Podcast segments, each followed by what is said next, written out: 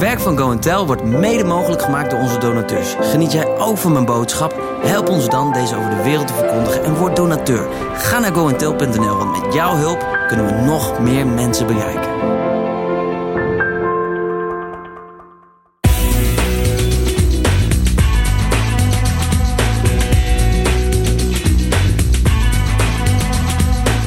Goed dat je er bent. Veel preken bereiden ons voor op falen. Maar zijn er ook preken die ons voorbereiden op succes?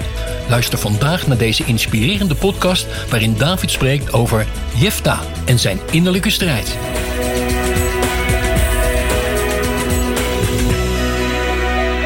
Waar ik um, vanmorgen over spreken ga, is over Jefta. En dat is een van die bijzondere verhalen vanuit het Oude Testament... waar je ook een heleboel vragen bij zou kunnen hebben. En natuurlijk heb ik die ook, dus daar gaan we gewoon lekker doorheen. Maar we gaan een aantal dingen met elkaar ontdekken die heel mooi zijn... en vandaag de dag voor ons nog heel veel betekenen. Lucas 10, vers 27. We gaan eerst even naar het Nieuwe Testament. Daar is er een man die, die vraagt aan Jezus: Wat moet ik doen om het eeuwige leven te krijgen? Eh, Welbekende vraag. Ik denk dat jullie die allemaal wel eens voorbij hebben horen komen. En we weten ook allemaal in de context van dit verhaal dat deze man ernaar zocht om zichzelf te kunnen rechtvaardigen. Hij had een Hollander kunnen zijn. Ja, u geeft redding en genezing, en, maar eh, wat moet ik dan doen? Wat kan ik doen zodat dit trucje werkt? Wat kan ik bijdragen zodat, het me echt gaat lukken, weet je wel? En dan is de Heer Jezus heel, heel duidelijk en die zegt: Heb de Heer uw God lief. En dan zegt hij hoe je dat moet doen. Met heel je hart. En dat is waar de meeste mensen stoppen. Geloof is een zaak van het hart. Dat doe ik toch met mijn hart. Maar hij is nog niet klaar. Hij zegt ook je hele ziel. Oh, is dat dan anders? Jawel. Je hele zielswereld is heel iets anders als alleen je hart en je geest. Vandaag de dag leren we daar steeds meer over. Wat er allemaal in de psyche van de mens plaatsvindt. En Jezus had een prachtige doornen kroon om. Waarin hij liet zien dat hij ook gebloed heeft voor al de psychische toestanden die in jou en in mijn denken plaatsvinden. Hij heeft daar een prachtig mooie prijs voor betaald. En dan zegt hij ook nog met heel uw kracht. Is je lichaam. Goed zorgen voor je lichaam. Daar zie ik ook een heleboel mensen afhaken. Ja, het is een zaak van mijn hart. Maar mijn lijf, of mijn lichaam, of mijn voeding, of de gym. Nee, dat zijn allemaal, allemaal vleeselijke dingen. Paulus heeft gezegd, de oefening van het lichaam heeft niet zo heel veel nut.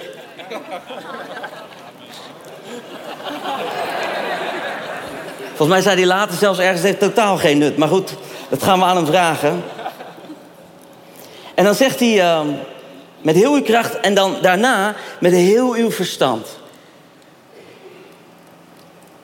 Dus je denken is een thema op zich om God mee te leren liefhebben.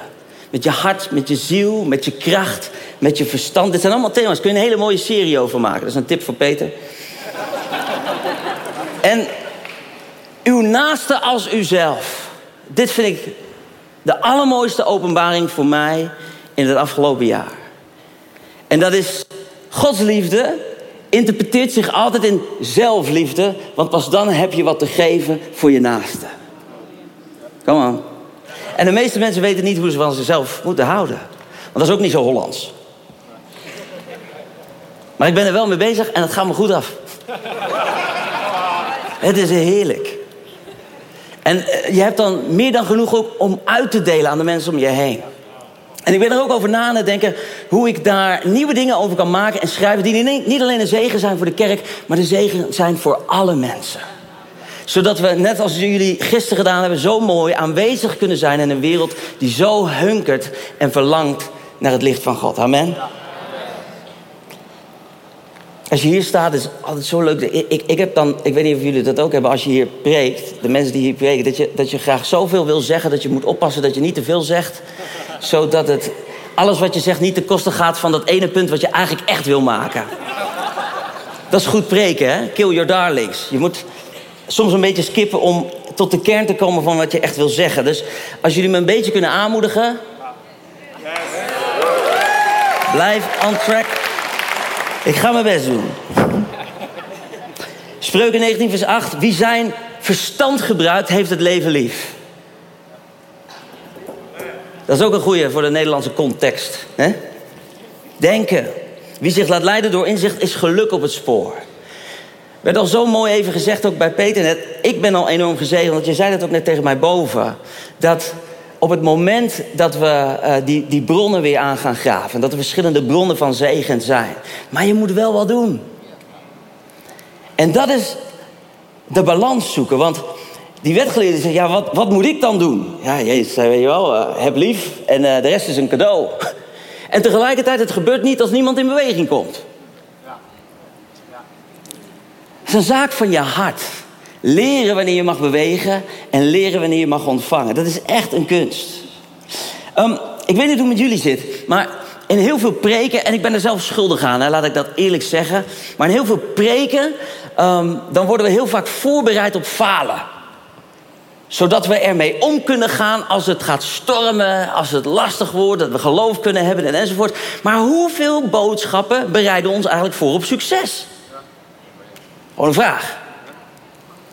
Ik heb niet heel veel gehoord. Ja, maar hier natuurlijk wel. tuurlijk.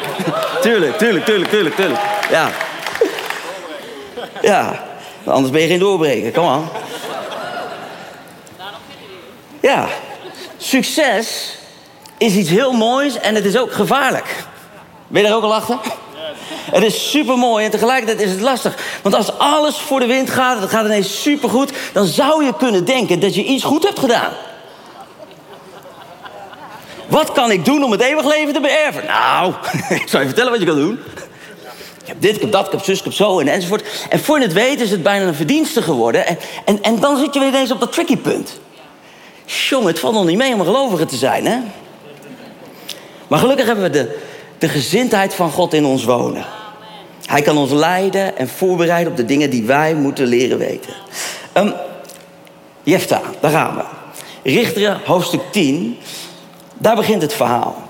Um, u weet, het boek Richteren staat vol met verhalen van hoe het volk van God er een potje van maakt. Dan moet er weer een redder komen. Hè, en die gaat dan redden en dan grijpt God weer in. En dat gaat eigenlijk van hoofdstuk naar hoofdstuk gaat dat zo. De mensen van Israël de, lijken wel gewoon mensen. En dan um, in Richteren hoofdstuk 10 vers 9 tot en met 16... vind ik, vind ik, vind ik bijna de menselijke, van, de menselijke kant van God zichtbaar worden. Het is echt heel interessant om dit te zien. Want ze hebben er weer een potje van gemaakt... En ja, dan komen natuurlijk al de Ammonieten over de Jordaan. En, en, en, en die beginnen weer te vechten. En dan denken ze, ja, poeh, dit is ook weer niet zo best. We wilden doen wat we zelf wilden, maar nu zitten we in de penarie. Laten we toch maar weer bidden. En um, we gaan maar even lezen. Richter 10 vers 9. Uiteindelijk staken de Ammonieten zelfs de Jordaan over... om de strijd aan te binden met Juda, Benjamin en Ephraim. En de Israëlieten die kregen het zo zwaar te voortduren... dat ze de Heer te hulp riepen en zeiden... we hebben tegen u God gezondigd door u de rug toe te keren... en de Baals te dienen. En de Heer die antwoordde, moet je opletten... Hè? ik heb jullie vaak genoeg gered...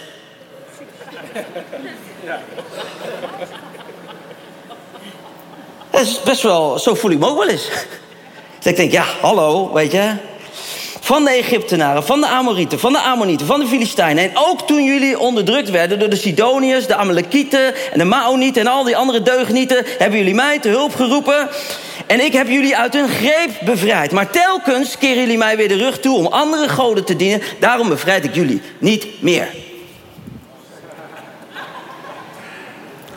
Talk to the hand.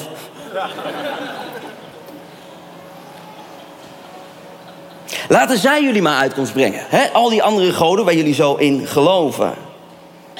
En toen zeiden de Israëlieten, dit vind ik ook zo mooi. Dat is ook zo mens, men, ik herken zoveel mensen hier aan tot de Heer. Ja, wij hebben gezondigd. Doe met ons wat u goed doet. Alleen bevrijd ons nog deze ene keer. nog één keertje dan, Heer. En vind ik het zo mooi.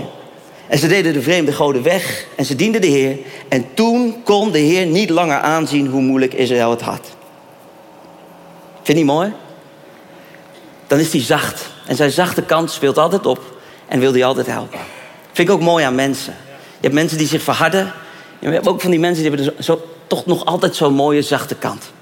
En dat hebben we ook van onze Heer gekregen. Maar we zien dat de dynamiek waarin God zich bevindt met zijn volk best wel nou ja, intens en ook wel ingewikkeld is. Ze doen wat ze zelf willen, en dan redt ze en enzovoort. En op een gegeven moment, ja, nu ben ik er helemaal klaar mee.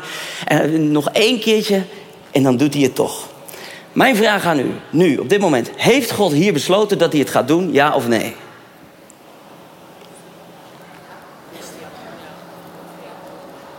Ja, toch? Volgens mij wel.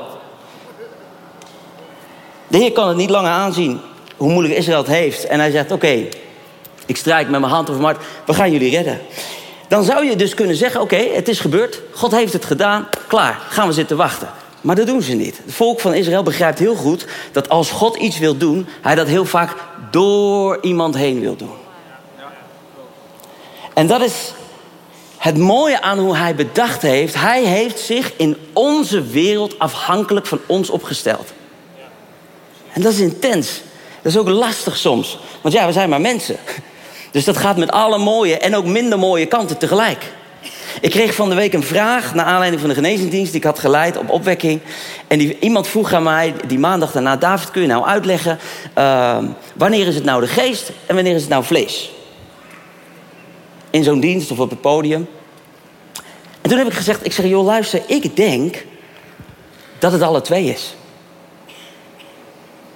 Ik zeg, je hebt Gods geest. Ik zeg, maar ik ben ook gewoon vlees. Ik zeg, ik ben gewoon mens, ik heb emoties. En God heeft ervoor gekozen om het zo te doen, met menselijke kanten.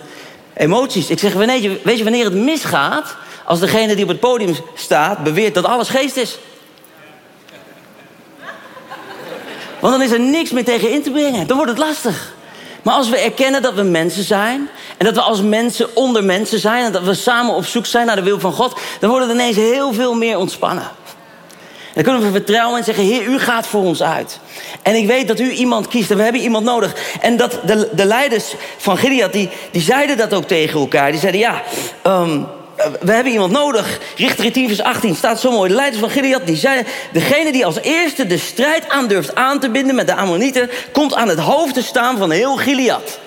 Dus ze hadden met elkaar bedacht... ja, God die heeft dan nu besloten, we gaan ze aanpakken. We hebben iemand nodig die gek genoeg is om het te doen. Nou, wat doen we dan? Dan zetten we een hele grote beloning tegenover een hele zware klus. Degene die dit durft, ja, die mag ons allemaal leiden. In de hoop dat er iemand bij zou zijn die dat dan doet. Nou, wat voor types komen er dan in beeld? De Heer heeft vreemde kostgangers. Ja, toch? Daarom koos hij ook mij. Richter 11, vers 1 tot 3. Hier komt Jefta in beeld. Nu was er in die tijd een zekere Jefta. Een krijgshaftige man. Dit een beetje een... Uh, krijgshaftig is een net woord voor ongeleid projectiel. Afkomstig uit Gilead. Hij was door zijn vader Gilead verwekt bij een hoer. Een buitenechtelijk kind. Maar Gilead die had ook zonen bij zijn eigen vrouw. Ja, oh-oh. En toen die volwassen waren, hadden ze Jefta weggejaagd met de woorden: Jij krijgt geen erfdeel uit het bezit van onze vader. Want jij bent de zoon van een andere vrouw. En Jefta had voor zijn broers de wijk moeten nemen. En die had zich gevestigd in Top. Daar kon hij lekker tobben. Daar sloot een stel avonturiers zich bij hem aan. ja, meelopers, zegt de Leeglopers. Oh, nee, leeglopers. Uh, je kunt je misschien voorstellen wat een uh, zootje ongeregeld dat was. Maar even, even de context van dit verhaal. Moet je indenken dat jij als jongen niet kiest om geboren te worden op de manier waarop je geboren wordt. Je wel dezelfde vader hebt, die een groot man is. Maar je wordt verworpen door je eigen broers. Want een diepe wond van afwijzing, dat bewerkt in je eigen hart. Als je je eigen, nou ja, koninkrijkje bouwen moet. In een plaatsje top, waar je dan zit te tobben.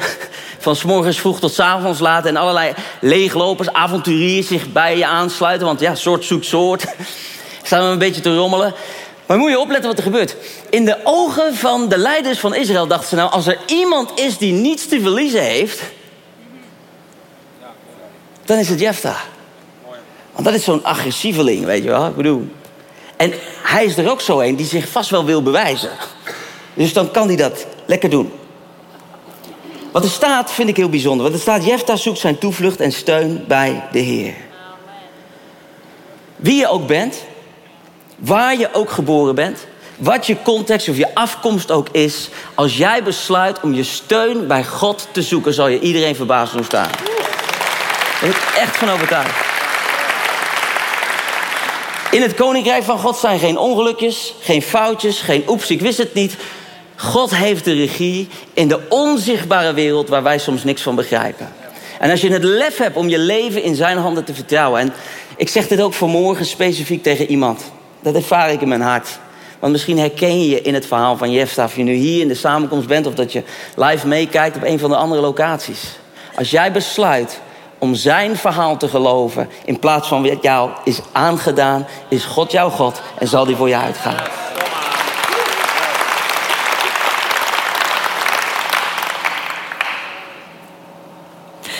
Laten we even lezen hoe dat gaat, want het is best wel leuk. Heeft u het nog naar uw zin? Ik ook. Richter 11, vers 4. Enige tijd nadat de Ammonieten hun kamp hadden opgeslagen in Gilead, bonden ze de strijd aan met Israël. En toen de oorlog eenmaal was uitgebroken, gingen de oudsten van Gilead naar top om Jefta terug te halen. Kom terug, zeiden ze tegen hem. En wees onze aanvoerder. Ja, ik kan het. In de strijd tegen de Ammonieten. Maar Jefta zei, ja, uit minachting heeft u mij uit het huis van mijn vader verdreven. En nu zit u in het nauw en u komt bij mij. U heeft gelijk, antwoordde de oudste van Gilead.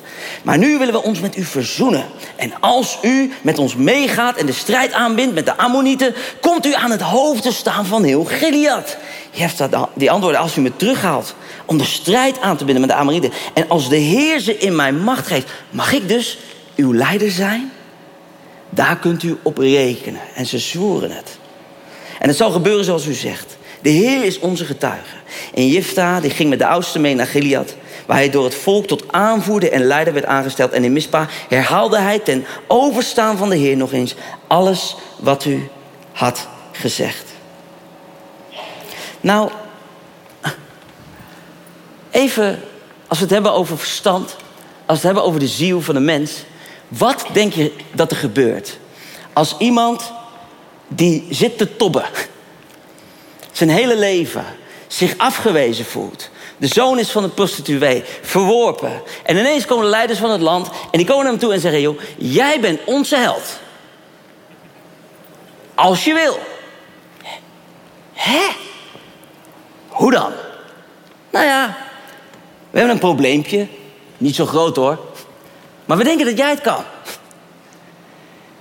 Wat doet dat in het verstand van die man? Want in één ogenblik hè, gaat hij van zero to hero. In één moment. Als je het hebt over wie is voorbereid op succes... dan weet ik niet welke seminars Jefta had gevolgd... welke coach die had, bij welke therapeut die was geweest. Het lijkt erop dat hij hier niet op was voorbereid. Want het was een rebel. Het was een druk te maken. Hij maakte een hoop kapot en hij schopte een hoop rommel. Voor de strijd was hij zeer geschikt. Maar als leider vraag ik het me af. Toch vind ik het mooi om te zien hoe God zo'n jongen gebruikt. Soms is het getuigenis van God die iemand gebruikt... niet altijd het getuigenis van zijn perfecte karakter. Maar juist de getuigenis van de genade van God. Echt. En dat zie je terug in zijn leven. En dan gaat met ze in discussie onder de hand. Hij zegt, meen nou echt, als ik hierin slaag en de Heer geeft mij de overwinning, dan uh, ben ik jullie leider?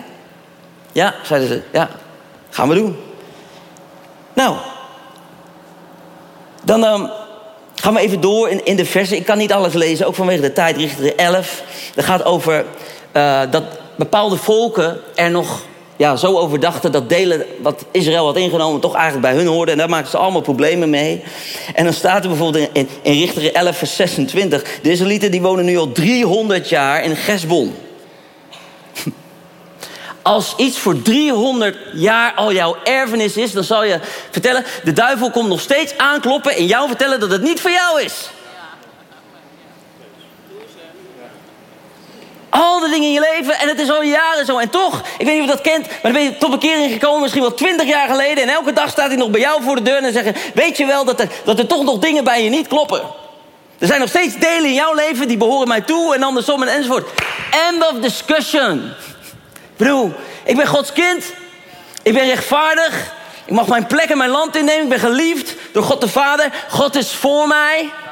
In en ondanks al mijn omstandigheden. Hij houdt van mij. En we moeten elkaar daar zo vaak aan herinneren als nodig. Zo belangrijk. Zo belangrijk. En dan staat er in Richter 11 vers 29. Toen werd Jefta gegrepen door de geest van de Heer. En gegrepen worden door de geest van God omschrijf ik als volgt. Je wordt boven jezelf uitgetild. Ik weet wat het is.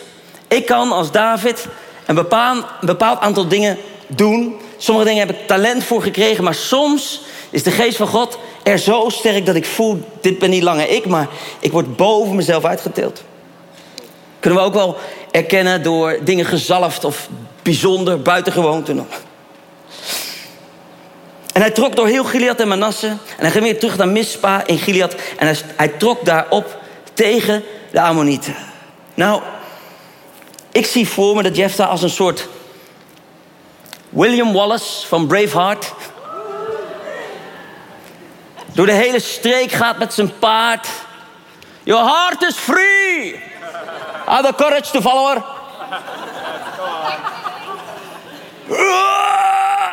Hier zou ze een mooie film over kunnen maken.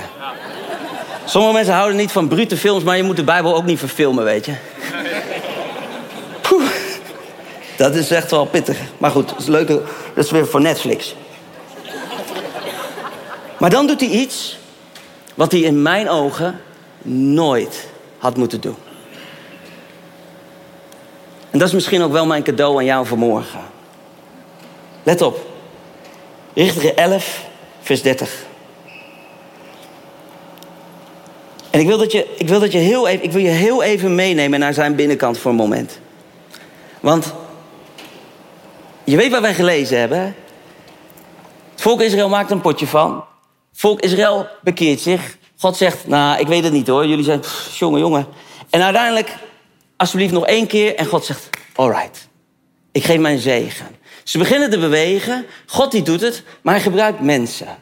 Dan komt er een jongen die helemaal verworpen is. Die letterlijk zijn leven niet op orde hebt.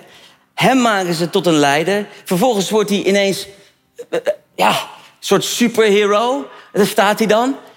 En als het dan staat te gebeuren, de geest van God over hem is, de mensen voor hem zijn, ze juichen en ze roepen hem toe. Ineens, van binnenuit, komt die kleine stem die zegt: Wie denk jij wel niet dat je bent?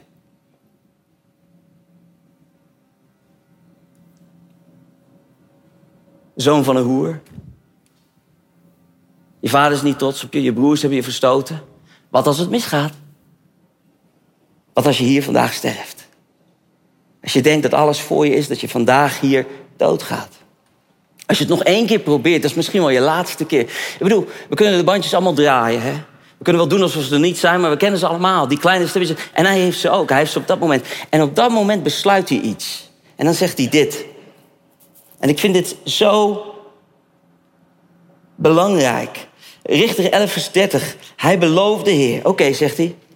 Als u de Ammonieten aan mij uitlevert, dan zal het eerste dat bij mijn behouden thuiskomt tegemoet komt voor u zijn. Dat zal ik als brandoffer aan u opdragen. En toen trok hij op tegen de Amorieten en hij bond de strijd met hen aan. En de Heer die leverde ze aan hem uit. Richter 11 vers 34. Toen Jefta naar Mispa naar huis kwam, zie, zijn dochter ging hem tegemoet met de tamboerijnen en de rijdans. Zij was zijn enigst kind. Behalve haar had hij zoon nog dochter. En zodra hij haar zag, verscheurde hij zijn kleren en riep het uit. Ach, mijn dochter, gij buigt mij in diepte neer en gij zijt het die mij in het ongeluk stortte. Ik heb tegenover de Heer een woord gesproken en ik kan niet terug. Maar zij antwoordde hem, vader, als gij tegenover de Heer uw woord gesproken hebt, doe mij dan maar wat gij beloofd heeft. Nu de Heer u volledig wraak verschaft heeft over uw vijanden, de Ammonieten. Tragedie. En waarom? Omdat onze God zo is? Omdat hij mensenoffers verlangt? Sterker nog, God had al lang besloten dat hij hem de overwinning gaf.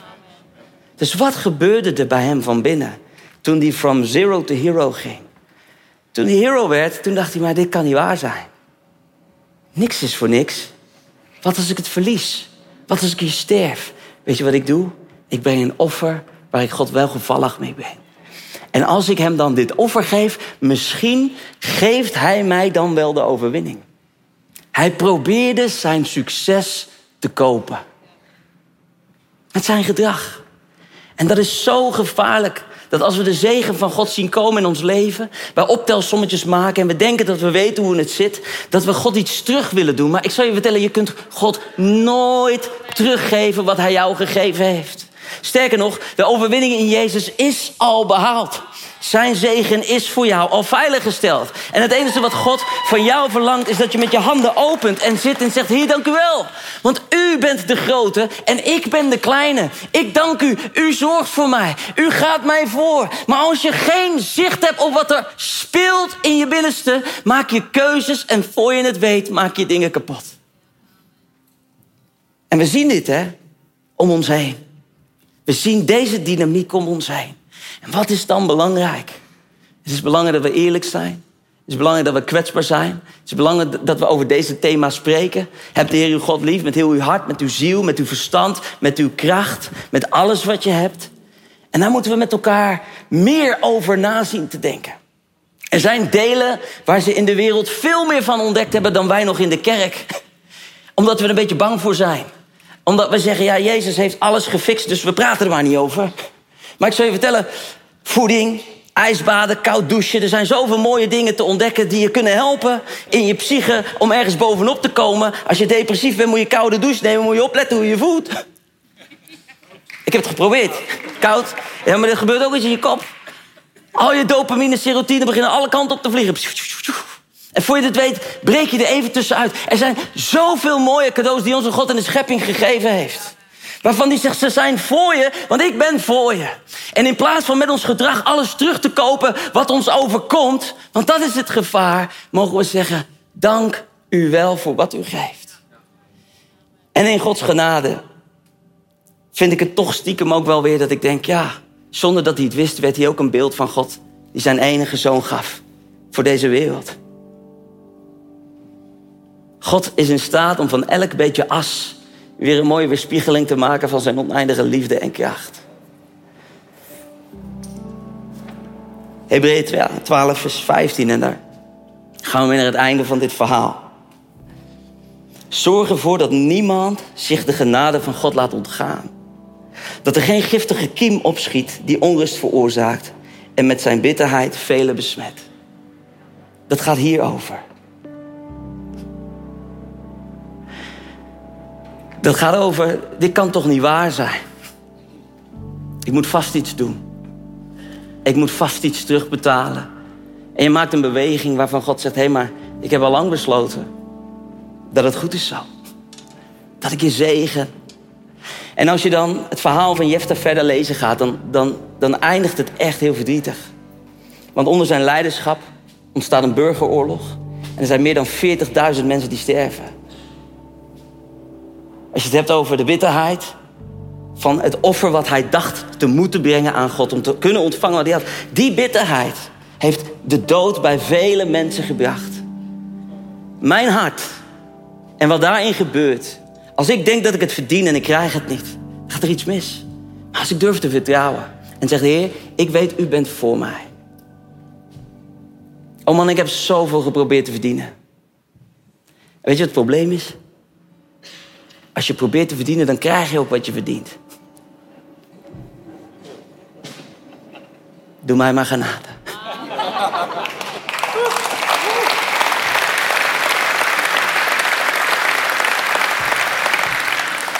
Indien je kunt, wil ik aan je vragen om te gaan staan. Op de plek waar je bent. De muziek danken. Dank jullie wel dat jullie er zijn en jullie mogen ondersteunen. Als onze ogen gesloten zijn, Vader in de hemel, dan Heer, dan, dan dank u voor uw woord. Zo vol rijkdom staat. En, en ons laat zien hoe we letterlijk from zero to hero kunnen gaan.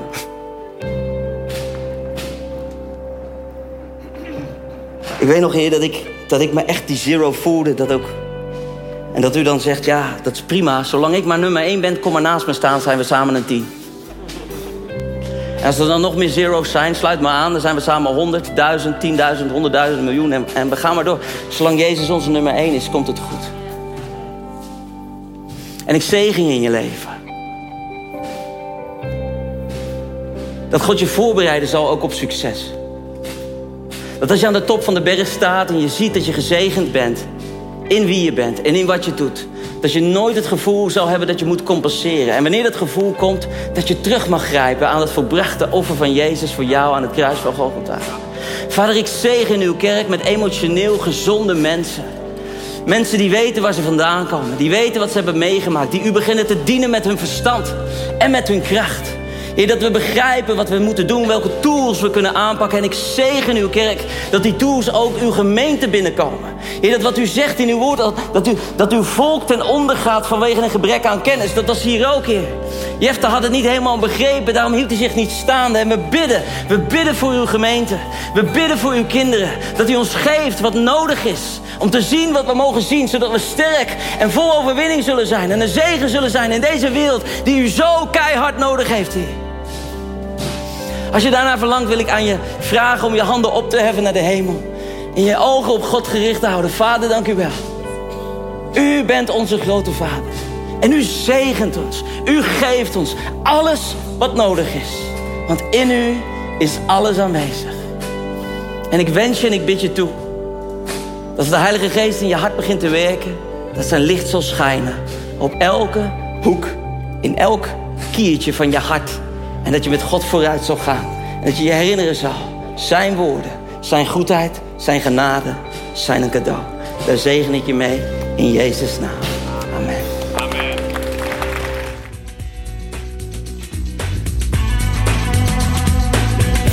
In één ogenblik gaat Jefta van zero tot hero. Heb je genoten of wil je gebed? Laat het ons weten op info@goentel.nl. We zien altijd uit naar je reactie.